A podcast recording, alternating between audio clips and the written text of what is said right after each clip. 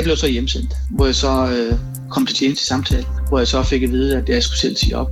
Og sige, har jeg gjort noget forkert eller noget? Nej, du har ikke gjort noget forkert. På nogen måde. Ja, det er jo magtmisbrug, synes jeg. Altså, jeg troede på den danske retssystem lidt bedre, man indrømme. Det har jeg altid gjort. Altså, jeg, jeg, jeg kunne mærke det meget. Det må jeg indrømme.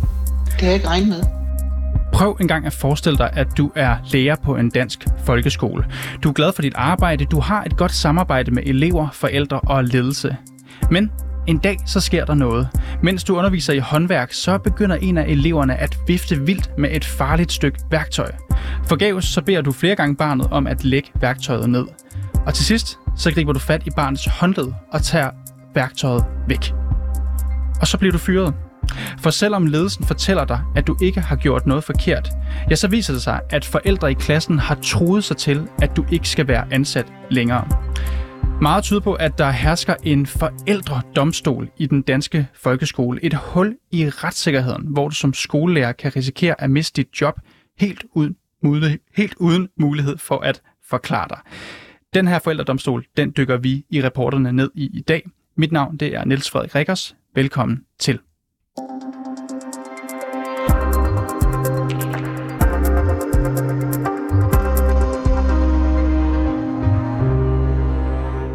Nu skal vi høre fra Peter. Peter han har været lærer på en folkeskole i to år, da han bliver anklaget for vold mod elever. Det sker i sidste år, og først så støtter ledelsen ham. Men da forældrene presser på, ja, så vælger kommunen altså at gå efter en fyring.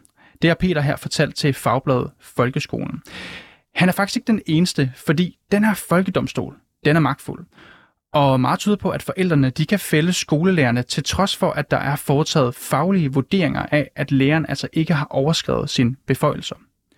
Peter her, det er ikke hans rigtige navn, men øh, på redaktionen der er vi bekendt med hans identitet. Og øh, vores reporter Camilla Michelle Mikkelsen, hun har faktisk talt med læreren Peter her, som blev fyret på grund af pres og trusler fra forældre.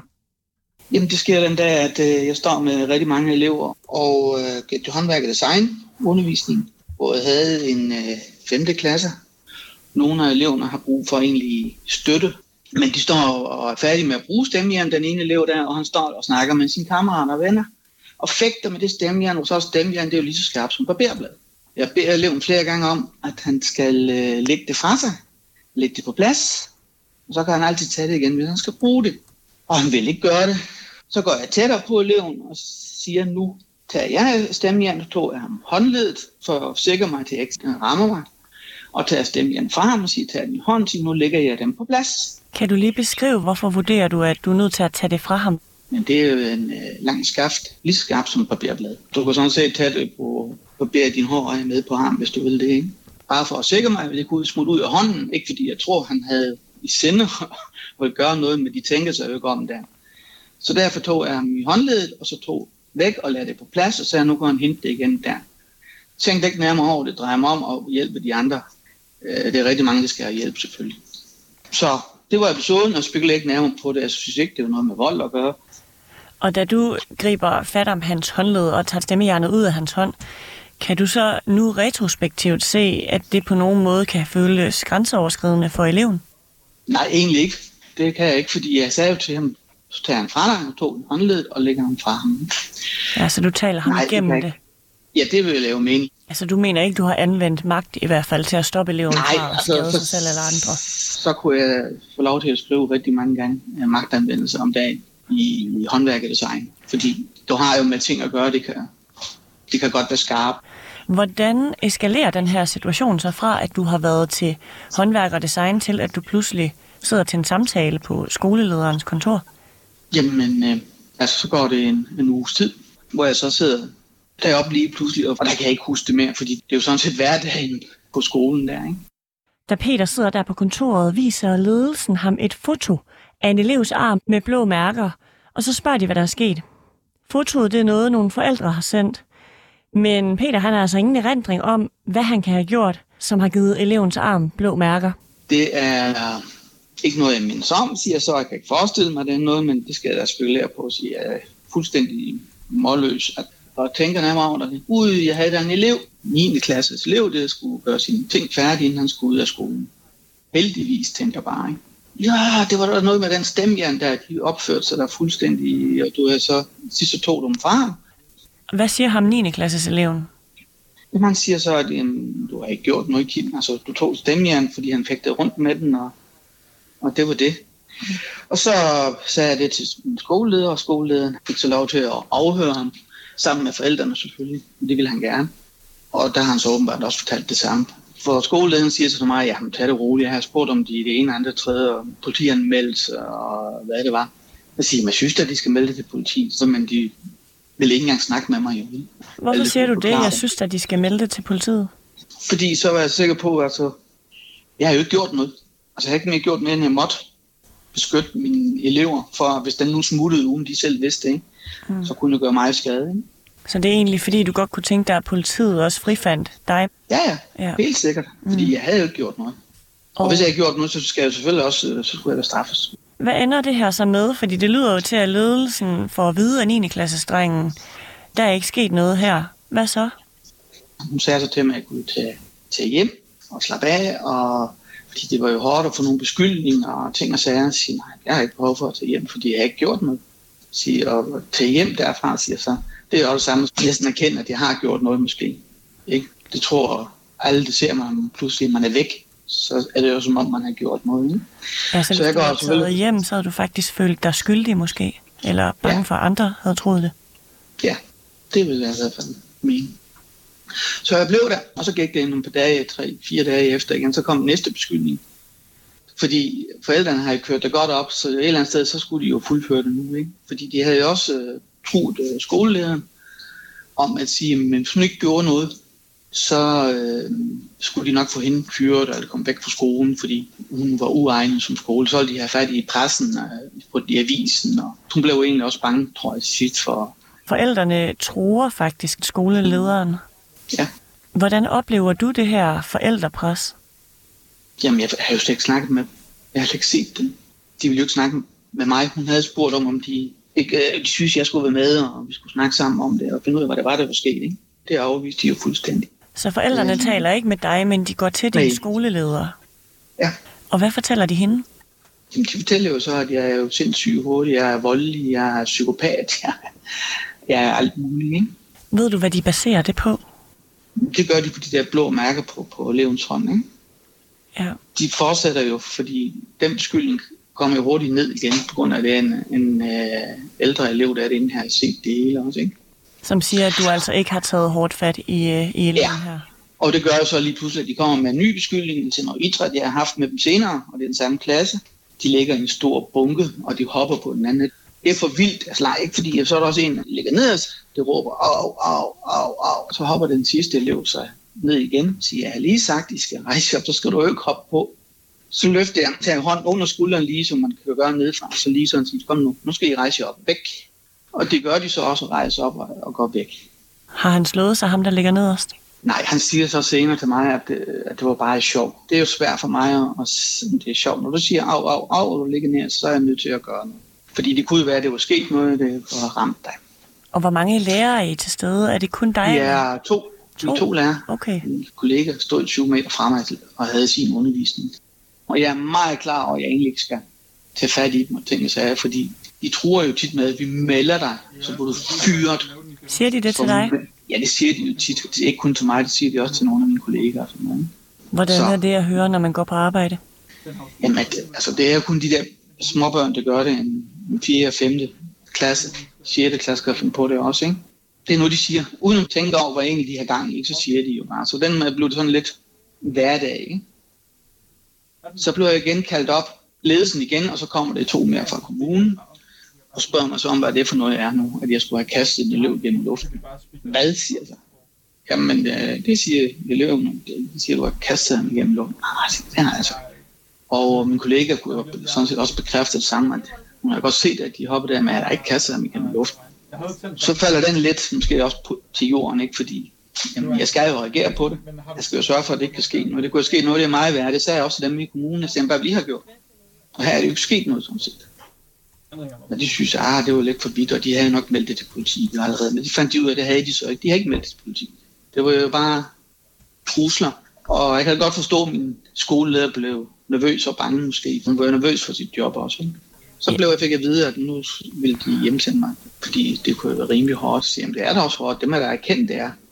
Men jeg blev så hjemsendt. Før sommerferien, ikke? og så ind til, til efter sommerferien, hvor jeg så øh, kom til tjeneste samtale, hvor jeg så fik at vide, at jeg skulle selv sige op, fordi så det var en bedst mulig måde at gøre det for mig på, og så sige, har jeg gjort noget forkert eller noget? Nej, du har ikke gjort noget forkert på nogen måde. Det skulle du slet ikke tænke over, det har du slet ikke gjort, men det er for at få ro nu. Vi kan ikke styre forældrene og sige, at de prøver at køre det op hele tiden. Okay, så de fortæller dig, at du har ikke gjort noget forkert, men forældrene presser os. Ja, det siger de sådan set overret, ikke? Hvad svarer du? Vi får lov til at have en lille samtale med fagforeningen også, så siger jeg, det gør jeg i hvert fald ikke. Siger. Så hvis det er, at de vil noget nu, så må de bare fyre mig. De siger så, men så er vi nødt til at afskede dig, fordi vi ikke har tillid på, til dig mere. Det var der sådan en stor omgang, siger så lige pludselig fra det ene, hvor I ikke har gjort noget som helst, jeg kun gjort det, jeg skulle, som mit pas mit arbejde, til at jeg lige pludselig ikke tillid til mig. Så vi kiggede på en anden fagforening og mig og tænkte, okay, det var der fra den ene ydelighed til den anden, ikke? Så kom det en advokat på. Så hvad bliver vurderingen af din fyring? Jamen det bliver, at jeg er uberettet fyret og får tre måneders opsigelse plus to måneder ekstra, plus øh, min ferie. Så du får faktisk en godtgørelse, fordi du er usagligt fyret? Ja, og de havde ingen begrundelse på nogen måde. Hvordan føles det at blive fyret på den måde? Jamen, øh, jeg er fuldstændig sindssyg. Jeg synes jo ikke, øh, den godtgørelse, der var jo ikke noget. Altså, hvad skulle jeg bruge den til? Det er jo ingenting. Altså, det er personlig plan mere. Det er jo skrækkeligt, fordi igen så får kollegaerne jo ikke at vide, at jeg er uberettiget fyret. Altså, du føler faktisk, at din person er blevet plettet? Ja, den er blevet plettet, og det kan jeg jo også mærke, når jeg skulle søge nyt arbejde. Ikke? Hvordan kan du mærke det? Jo, altså, tit i nogle af mine ansøgninger, så skrev man jo også, hvor kom man fra og ting og sager. Ikke? Og øh, fra den ene øjeblik, hvor man måske fik at vide, jamen det var lige sådan som dig, vi søger, det er det perfekte, og du kan næsten starte i morgen og ting og sager, hvor man lige skulle finde ud af timen og sådan noget, så hørte man det ikke mere fra Ja, det er jo magtmisbrug, synes jeg. Altså, jeg troede på den danske retssystem lidt bedre, om indrømme, men det har jeg altid gjort. Det er også justitsmor i det. Altså, jeg, jeg, jeg kunne mærke det meget. Det må jeg indrømme. Det har jeg ikke regnet med. Altså, man kunne mærke. Man blev nervøs for, hvad er det næste, man kan finde på nu. Altså, men når håndværker design, nogle gange, så skal man jo tage fat i hånden for at vise dem, hvordan de skal holde hammeren, eller de skal holde ved stemmejern, eller hvordan bruger de skruemaskinen. Hvordan skal den være? Så har, tager du også fat i hånden eller på dem for at holde den og sige, så vi skal gøre sådan her. Ikke? Det kan jo også misbruges pludselig. Ikke? Efterfølgende har jeg jo snakket med mine kolleger, så har de samme elever været med til at prøve på at få fyret nogle andre lærere også, fordi de ikke kunne lide lærerne måske lød det fra Peter, der har været lærer siden 2008. Han har netop fået et nyt job efter fyring i efteråret. Og Peter, det er som sagt ikke hans rigtige navn. Her på redaktionen, der er vi bekendt med hans identitet, men vi har valgt at imødekomme hans ønske om at være anonym. Peter, han er langt fra et enestående eksempel på forældre, der presser skoler til at fyre en lærer. Min kollega Camilla Michelle Mikkelsen, hun har talt med Claus Hjortdal, som er formand for Danske Skoleledere. Foreningen her, de indrømmer, at der i dag er en kultur i de danske folkeskoler, hvor forældrenes retfærdighedsfølelse, ja, den ofte trumfer skolens faglige vurdering. Camille Michelle Mikkelsen, hun øh, spørger først Claus Shortdal her, hvad der normalt er praksis, når en lærer i dag skal fyres. Jamen, der er simpelthen ikke så meget hokus pokus øh, ved det. Det er, at man vurderer sagen er, den, er sagen tilstrækkeligt grov til, at det er berettiget til en fyring? Og hvis ikke det er det, så, så er, det, er det til en advarsel, eller hvad er det? Er det en gentagende gang, der er sket noget, eller er det en engangsfortælse? Der man laver man nogle vurderinger, og så mange gange, så ringer man ind til øh, HR-kontoret i kommunen og snakker med dem om at få en juridisk vurdering på, om det er holdbart. Der er sådan nogle helt faste procedurer for den slags. Og jeg spørger også, fordi jeg ved, at der jo er nogle andre ting, der også kan spille ind forældre eller folkets rolle i det her. Hvordan er det, forældre kan spille ind på en eventuel fyring? Jamen, der sker jo det, at øh, vi har nogle fagretslige regler, der, der træder i kraft, hvor man så går ind og vurderer sagen og sagens øh, indhold og ser på, hvad niveau er det, vi snakker om, om der skal sanktioneres noget overhovedet, og hvor, hvor meget det bliver. Og det kan være, at man, man, man kan nøjes med en, en samtale med medarbejderen. Det kan være, at det er en tjenestelig samtale, der udmunder en advarsel. Øh, og det kan, det kan være, at det, det er en samtale, der man fyring. Men der er sådan forskellige niveauer. Når vi har håndteret det fagretsligt, så kan det være, at vi siger, at den her sag er ikke noget, vi vurderer, der er, er til mere end, end en, en tjenestelig advarsel. Så er vi færdige med den sag som system. Men ved siden af det, så er der jo ligesom en elev, der er gået ud over nogle tilfælde. Og mm. der forældregruppen har jo brug for, at deres retfærdighedssans, den også øh, bliver tilfredsstillet. Og det er ikke altid, de synes, det er nok. Der er nogen, der synes, at øh, de skal simpelthen af med læreren. Altså, der, der kan komme sådan en kultur af, at vi vil ikke have hende, eller vi vil ikke have ham. Han skal bare ud, han skal væk. Og det er sådan set lige meget, man, man kan forklare, at der faktisk er sket en gennemsyn af sagen, og, og der findes ikke noget, og at forældrene går og lægger noget på for at få sagt, at, at vedkommende er helt roligt. Og der kan simpelthen komme en kultur, en, en debatform på både aflær på Facebook og, og rundt omkring i byen, at vedkommende vil man bare ikke have. Og til sidst så må man bare sige, så er tilliden til læreren væk hos forældregruppen, så kan det være svært, eller pædagogen, eller lederen på den sags skyld. Så kan man sige, så er det fagretslige, det er i orden, det er i orden, det har vi klaret. Men folkets retfærdighedsfølelse er ikke tilfredsstillet, og derfor kan det godt være, at man bliver nødt til at sige, at det, det her det går ikke. Altså, du, du kan ikke være lærer med, at vi kan ikke få opbakning hos forældrene til dig. Så trods en faglig vurdering, så kan forældregruppen faktisk så. have så meget magt, at I må afskede eller, lærer alligevel? Eller en borgmester, eller et byråd, eller en kommunaldirektør. Ja, der er mange, der kan have mening om sådan noget. Og vi har oplevet det hele. Så ja, der kan komme en, et så stort pres på vedkommende, at vedkommende ikke kan fortsætte. Er det noget, du har oplevet flere gange, at der ligesom kommer et pres udefra? Det har vi oplevet flere gange, ja. Også på ledere. Hvor meget magt har sådan en, jeg ved ikke, hvad jeg skal kalde det, en folkedomstol?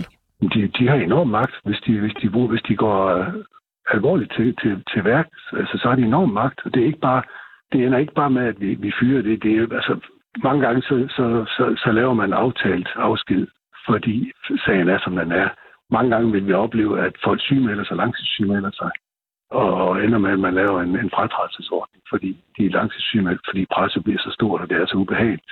Altså lukkede Facebook-grupper kan virkelig ødelægge folk, så det gør noget. Så der er et folkets parlament en gang imellem, som, som så laver lønsninger af folk uberettiget. Det er et vilkår. Det er derfor, jeg siger, at vi er indimellem er vi retsløse på det her. Altså lærerne, pædagogerne er retsløse? Lederne. Lederne, Lederne. er retsløse. Vi, vi er samme gruppe. Altså, på den måde er vi bare medarbejdere. Det lyder også uhensigtsmæssigt, at der ligesom er folk udefra, der kan gå ind og overtrumfe en faglig beslutning. Er der noget, ja. man kan gøre for at imødekomme, at det ikke sker? Hvordan beskytter vi vores pædagoger og folkeskolelærer bedre? Ja, det er rigtig, rigtig svært, øh, fordi vi har, vi har nogle mekanismer, der kan fremme det. Altså, vi har nogle sociale medier, vi har øh, Aula, som, som genererer nogle strenge af, af beskeder, som kan indeholde alt mellem fakta og direkte løgn, uden der, der er nogen kontrolforanstaltning, uden der er nogen, der kan sortere i det. Der er kun øh, den vej at være, være så åben, som man kan, og være så hurtig ude med, med aftaler og få aftalt med de forældre, der er de nærmeste i det her omkring, hvad der sker i sagen, så må man håbe på, at, at man kan styre det. Jeg tror, at alle, der sådan, øh, har fulgt lidt med på sociale medier, er faldet over beskeder fra forældre, der er sendt til lærere på Aula. Og det virker jo ja. nogle gange som sådan et torturredskab. Altså, kan lærere blive afskediget på grund af løgne fra forældre på Aula, for eksempel? Ja, hvis, hvis presset bliver stort nok, hvis øh, gruppen af forældre der er stor, bliver stor nok og lægger pres på bestyrelser og lægger pres på skolelederen, eller forvaltningen, eller hvem, hvem der nu er det, det, den, der, der skal styre det, så, så kan presset blive så stort, så man kan sige, at det giver ikke mening, at du skal fortsætte her. Hvor mange ja. skal der ligesom til at danne sådan en folkedomstol? Altså, er det nok med for eksempel det, tre utilfredse forældre? Det, det kan jeg ikke sådan sige. Der skal bare være nogen, der siger nej til det. Altså, der, der er brug for en modvægt, for at, at, at det kan stoppe. Nogen, der råber højt, de har brug for at have et, et ekogrammer til, til at råbe højt ind i. Og hvis de får det, at nogen der siger, jamen det er også rigtigt, øh, jamen så råber de jo bare ind over, og hvis det er dem, der siger, at det passer simpelthen ikke, så er der læreren ikke, og det hold op med det der. Så bliver deres ekogrammer for småt, og så, så, så dør det igen. Men altså, hvis, hvis der bliver et ekogrammer på, at, at det er urimeligt, så, så ser vi det. Jeg kan ikke sætte tal på, men, men vi ser det. Er det noget, I har oplevet tit, at lærere bliver afskedet på grund af løgne? Jeg kan ikke svare dig på antallet af gange, fordi det er ikke min afdeling. Jeg kan svare på skoleledernes område. På skolelederområdet er noget, vi oplever indimellem. Ja, det er det. Nu siger du jo ligesom, hvis en forælder virkelig ønsker at komme af med en lærer, så er læreren retsløs, lederen er retsløs, pædagogerne er retsløse. Ja. Hvis vi står i sådan et spørgsmål om, om magtudøvelse, altså sådan, hvornår er en magtudøvelse så alvorlig? Fordi jeg forestiller mig, at man som skolelærer godt kan komme ud for en situation, hvor det også er i elevens sikkerhed, at man for eksempel hjælper eleven ned fra en ribbe, eller kommer til at trække eleven ned fra en ribbe. Ja, ja. Men, og det, det, vi må ikke øh, bruge magt, unødig magtanvendelse, står der. Og det er jo en gummiparagraf, hvad er unødigt. Hvis vi ser over de sidste øh, 15-20 år i folkeskolen, så fra cirka 20 år siden, 15 år siden, der var vold i skolen rettet mod personale. Det var noget, der foregik øh, fra den 6. 7. klasse op efter. I dag er det altså primært i indskolingen. Det vil sige, at det er børneklasse, første, og 3. klasses elever, der overfalder læreren, sparker og bider, hopper op på ryggen af dem og sådan noget. Og der kan forældre blive målløse over, at deres barn kan have et blåt mærke på armen, fordi man er blevet nødt til at fjerne dem i en situation, hvor de er gået amok. Og der kan forældre ikke forstå, at det skal være nødvendigt, at man tager et barn i, i første klasse i armen. Men, men vi må bare sige, at en gang imellem, så kan det blive der, hvor man bliver nødt til at fjerne dem fra en situation, fordi det, går, det er gået for alt for vidt, og der barnet er slet ikke i kontrol og til fare for både sig selv og andre. Og der, der kommer vi til at stå i og sige, jamen, at det unødig magtanvendelse? Det vil forældrene sige, ja, det er unødigt, fordi det er mit barn, og han går kun i første klasse. Og læreren vil sige, nej, det var nødvendigt i den situation, for han var ved at splitte det hele ad og, og bede og sparke alt muligt, inklusive mig. Der vil man kunne få svært ved at få forældrene til at forstå, hvad der er sket, og få dem, få dem til at forstå, at det vi gjorde, det var for at hjælpe deres barn væk fra en situation. Jamen, jeg kan heller ikke lade være med at tænke på, hvor meget man som lærer jo skal altså finde sig i, hvis man ikke må flytte et barn, der måske bider eller sparker eller slår? Jamen, det, det er det, der er problemet. Altså, hvis, hvis vi så var så heldige, at der var to voksne til stede i lokalet, så ville de kunne vidne for hinanden. Men mange gange er man jo alene i klasselokalet og skal agere hurtigt. Forældrenes oplevelse er jo, at det, det bliver læreren mod barnet. Mm. Det bliver jo, hvad skal man sige, den situation, der, der skal snakkes alvorligt igen og høres, øh, hvad var det, der skete helt præcis, så man bliver nødt til som leder også undersøge alvorligt, og måske endda have kommunen med ind over for at være sikker på, at der ikke er noget i vejen. Men det til trods, så er det jo ikke sikkert, at forældrenes retfærdighedsoplevelse den er i orden. Er det din oplevelse, at forældre de seneste år er blevet mere beskyttende over for deres børn, eller hårdere ved lærerne, altså at det typisk er lærerens skyld frem for, at deres barn måske også har en aktie i det, der sker? Ja, altså det, der må ikke ske nogen ting, der er ulovligt. Det, det skal vi slå helt fast. Og selvfølgelig skal der slås hårdt ned, hvis der sker sådan nogle ting. Men tolerancen er blevet mindre også, øh, og der er blevet kortere fra ord til handling hos forældrene. Men det hænger nok også sammen med, at det, at det er mindre børn, der i højere grad er udadreagerende, gør jo også, at forældrene bliver mere opmærksom på det. Ja, så det er en lærer over for en syvårig frem for en lærer over for en ja. 14-årig.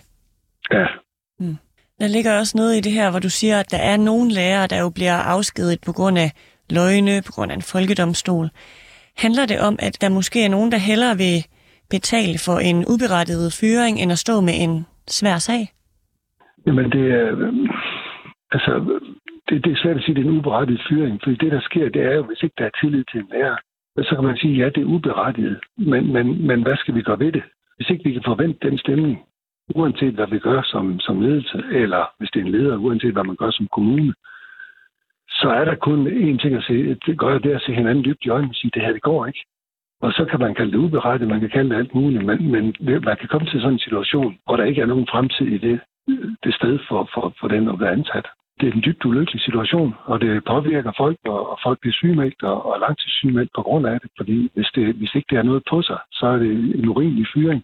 Og den får man så betalt for i øvrigt, altså om sådan fagbevægelsen, altså både lærerforeningen og skolelærerforeningen, er jo dygtige forhandlere til at forhandle folk ud, hvis det kommer dertil, så man får jo en pose penge med sig. Men, men det er jo ikke nok til at, at, at være plaster på et sår over, hvor man er blevet urimeligt behandlet.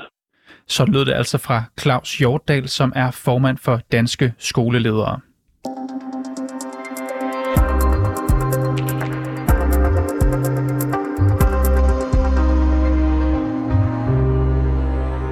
Og nu skal vi så byde velkommen til øh, dig, Thomas Andreasen. Hej. Du er med over en telefon her, og du er formand for arbejdsmiljø, og så er du... Okay, nej, sluddervrøv. Du er formand for arbejdsmiljø og organisationsudvalget i Danmarks Lærerforening, så fik jeg den på plads. Ja, det er helt korrekt. Og øh, Claus Hjortdal her, formand for skolelederne, han fortæller os, at kommuner og skoleledere, ja, de er klar til at fyre en lærer, hvis øh, forældre de brokker sig nok. Og han siger, at mange skoleledelser, ja, de hellere vil betale for en fyring, end stå med en svær sag. Hvor stiller det her lærerne? Jamen, det, jeg skulle sige, det siger næsten sig selv. Altså, det er jo, det er jo dybt, øh, det er jo dybt øh, urimeligt. Det er også øh, nærmest tragisk, at, øh, at øh, man kan blive, blive fyret øh, i virkeligheden øh, uberettiget, og i virkeligheden ved at have, have passet sit arbejde. Øh, men, men den kommunikation og den stemning, der har været omkring det, har ikke været øh, tilstrækkelig, øh, og, og så øh, ender det med, at, øh, at, at læreren bliver øh, afskediget, afskedet, og i nogle af de øh, værste tilfælde, jamen, så har man ikke engang øh, nået at, at, at spørge læreren om, hvad, hvad læreren egentlig oplevede i nogle af de her situationer, før man har truffet en, en, en afgørelse i kommunen eller, eller på den enkelte skole om, at læreren ikke skal arbejde der mere. Hvor er det typisk, det går galt i den her slags sager? Jamen, men noget af det, der er, øh, går galt, det er faktisk, at man, øh, hvad det hedder, ikke øh, lige stopper op en gang, øh, enten på, altså hvor skolen ikke, øh, skoleledelsen ikke øh, taler med, med læreren, taler med forældrene, taler med eleven, før at, øh, at man ligesom, øh, øh, hvad kan man sige, træffer en, træffer en afgørelse. Altså det, øh, det kan undre mig øh, virkelig, og, og det er jo også heldigvis ikke mange eksempler, vi ser det her, men det er alligevel bekymrende, det, øh, at, det kan, at det kan finde sted. Og jeg kan også forstå noget af det, Claus øh, siger, jamen det er den her folkedomstol, der kan ligesom brede sig en, en stemning. Øh, og det er, jo, øh, det er jo også bekymrende, at man øh, ikke som, som skole, som kommune er, er i stand til at danne den, den modvægt til noget, der er, øh, der er urimelige beskyldninger eller, eller noget, der er decideret løgn. Altså kender du til konkrete sager, hvor øh, fyringer de ikke er fagligt begrundet, hvor der kommer den her forældredomstol, kan man også kalde den? Ja, Ja, ja, øh, øh, eller, eller øh, hvad kan man sige, at, at kommunen, kommunens personaleafdeling eller, eller andre øh, er bekymret for, at det udvikler sig til en, til, en, til en, diskussion med forældrene eller i pressen. Man har måske erfaringer fra andre tidspunkter, så, så, så man allerede på forhånd siger, at det her, det, det, det, det vil slet ikke øh, risikere det her. Så vil vi hellere øh, øh, betale øh, en, øh, nogle penge for at slippe af med den her, den her lærer, selvom læreren i virkeligheden bare har, har passet sit arbejde. Og når sagen så kører, så bliver det også slået fast, at læreren har ikke gjort noget forkert, og derfor så øh, er det jo øh, også den grund øh, dybt problematisk. Oplever du, at der er nogen, som har lærernes ryg i den her slags sager? Altså, det er jo vigtigt at sige, at, at på, på, på, på rigtig mange skoler øh, og kommuner og sådan noget, så har man jo heldigvis øh, procedurer, retningslinjer, øh, regler for, hvordan håndterer man sådan noget her. Og, og, og noget af det, som, som, som jeg, jeg synes er vigtigt, og som vi ved virker, det er jo, at man, at man netop sætter sig sammen, at man øh, taler med de øh, forældre, øh, og som måske er utrygge ved, hvad der er foregået. De hører noget fra deres børn, de læser noget på Facebook osv., øh, at man får, at man får, får talt om det her. Så, så i de situationer, så betyder det rigtig meget, at lærerne oplever, at, at skoleledelsen, skolebestyrelsen øh, og også kommunen har, øh, har deres ryg. Så, så det er jo øh, udgangspunktet, men, men, men, men desværre er det jo ikke øh, gældende øh, altid og alle steder. Ja, fordi hvis vi nu tager sådan en slags øh, sager, som vi hører om her, hvor der er noget, der bliver undersøgt, hvor læreren måske frifindes fagligt, mm. men øh, fyres mm. alligevel på grund af, at der sker mm. en, øh, en domstol, en forældredomstol. Mm. Hvad stiller mm. vi op med det? Hvem skal have lærerens ryg her? Jamen, men, men jeg synes, øh, jeg synes noget af det, der er, det, der er vigtigt, det er jo, at, at, at der også er, er stærke stemmer, der bakker, bakker læreren op. Det kan være kollegaer, det kan være ledelsen, som, som, som, som tager bladet fra munden, øh, kommunale øh, embedsfolk, øh, øh, politikere, som, som, som siger, jamen prøv at høre her, det her, det er, øh, der er ikke noget at komme efter. Det her, det er en, det er en dygtig lærer. Øh, der er sket det og det. Læreren var nødt til at gribe ind i den her konflikt, øh, og var nødt til at tage fat i et barn, for barnet var ved at ødelægge noget af kommunens inventar, eller var ved at gøre skade ved sig selv eller et andet barn. Det er nogle af de situationer, hvor, hvor, øh, hvor lærerne, ligesom lærer, øh, skal gribe ind. Øh, vi vil jo øh, få på, hvad kan man sige, få, på, på pukken, hvis, øh, hvis ikke vi greb ind, og der så skete en ulykke, og vi havde stået og kigget på, Øh, og, og det er jo det, den situation, som, som lærerne står i, og der skal jo handles hurtigt. Det er jo ikke et, et, en, det er jo noget, der opstår måske pludseligt. Der er få sekunder til at tænke sig om, skal jeg, Skal jeg redde den her elev fra, fra en anden elev, øh, og, og, og dermed jo bruge noget, øh, noget magt, og det kan være, være voldsomt. Men det er også nogle gange øh, nødvendigt, og så er det jo vigtigt at få fulgt sådan nogle øh, sager op, få orienteret forældrene om det, få talt med forældrene, få talt med, med eleverne, med klassen osv. Og der, der er det rigtig vigtigt, at, øh, at man øh, er tydelig omkring det, og hvad gør vi i de situationer på, på skolerne, og, og, Thomas, og har man hinandens ryg? Thomas Andreasen, jeg, jeg, jeg bliver nødt til lige at spørge her igen her. I den her slags sager her, nu hørte vi Claus Hjortdal, formand for Danske Skoleledere, han siger, at lederne, de, lederne er retsløse. Altså mm. gør skolelederne nok i den her slags sager for at beskytte lærerne? Når forældrene de er rasende, de siger, at de her, læreren her har taget fat i mit barn. Gør skolelederne nok? Øh, jamen, det gør de mange gange, men, men, men der er jo desværre ikke, øh, der er jo desværre også situationer, hvor, hvor ikke det er nok, eller hvor skolelederen måske føler sig presset af, af, af forvaltningen eller, eller øh, af politikere i kommunen til, at, øh, at det her det skal, det skal stoppes, og det må så koste en, en, en lærer. Så, er det godt nok? Læreren, øh, nej, det er da ikke godt nok. Øh, øh, og, og det er da et, et problem for, for lærere øh, på, øh, på, på, på, på, på, på, på skolerne. Og det, der jo også øh, sker øh, mange gange, det er jo, at, at, at, at resten af lærerne på den skole eller i kommunen og omkring jo begynder at, at, at stille sig undrende over for det her, for de kender den lærer. De ved, at det er en dygtig lærer. De ved, at øh, der ikke er, er noget om, om, om snakken. Det er uberettet. Og så sidder de og tænker, det her kunne lige så godt have været mig. Øh, hvad er det her for noget? Og jo også på den måde jo øh, skaber noget, noget dårlig stemning omkring, øh, omkring skolen, omkring arbejdspladsen. Så det er jo ikke bare den lærer, det går ud over. Det går også ud over andre, og, og det er også utrygt. Thomas Andreasen, du er formand for Arbejdsmiljø- og Organisationsudvalget i Danmarks Lærerforening. Tusind tak, fordi du vil være med i dag. Velbekomme. God eftermiddag. Mm. Og tak fordi I lyttede med til reporterne i dag. Husk, at hvis du har noget, som vi skal undersøge, eller bare har ris eller ros, ja, så kan du altid skrive til os på reporterne-247.dk. Bag dagens udsendelse er Camilla Michelle Mikkelsen, Mille Ørsted er redaktør, og mit navn det er Niels Frederik Rikkers.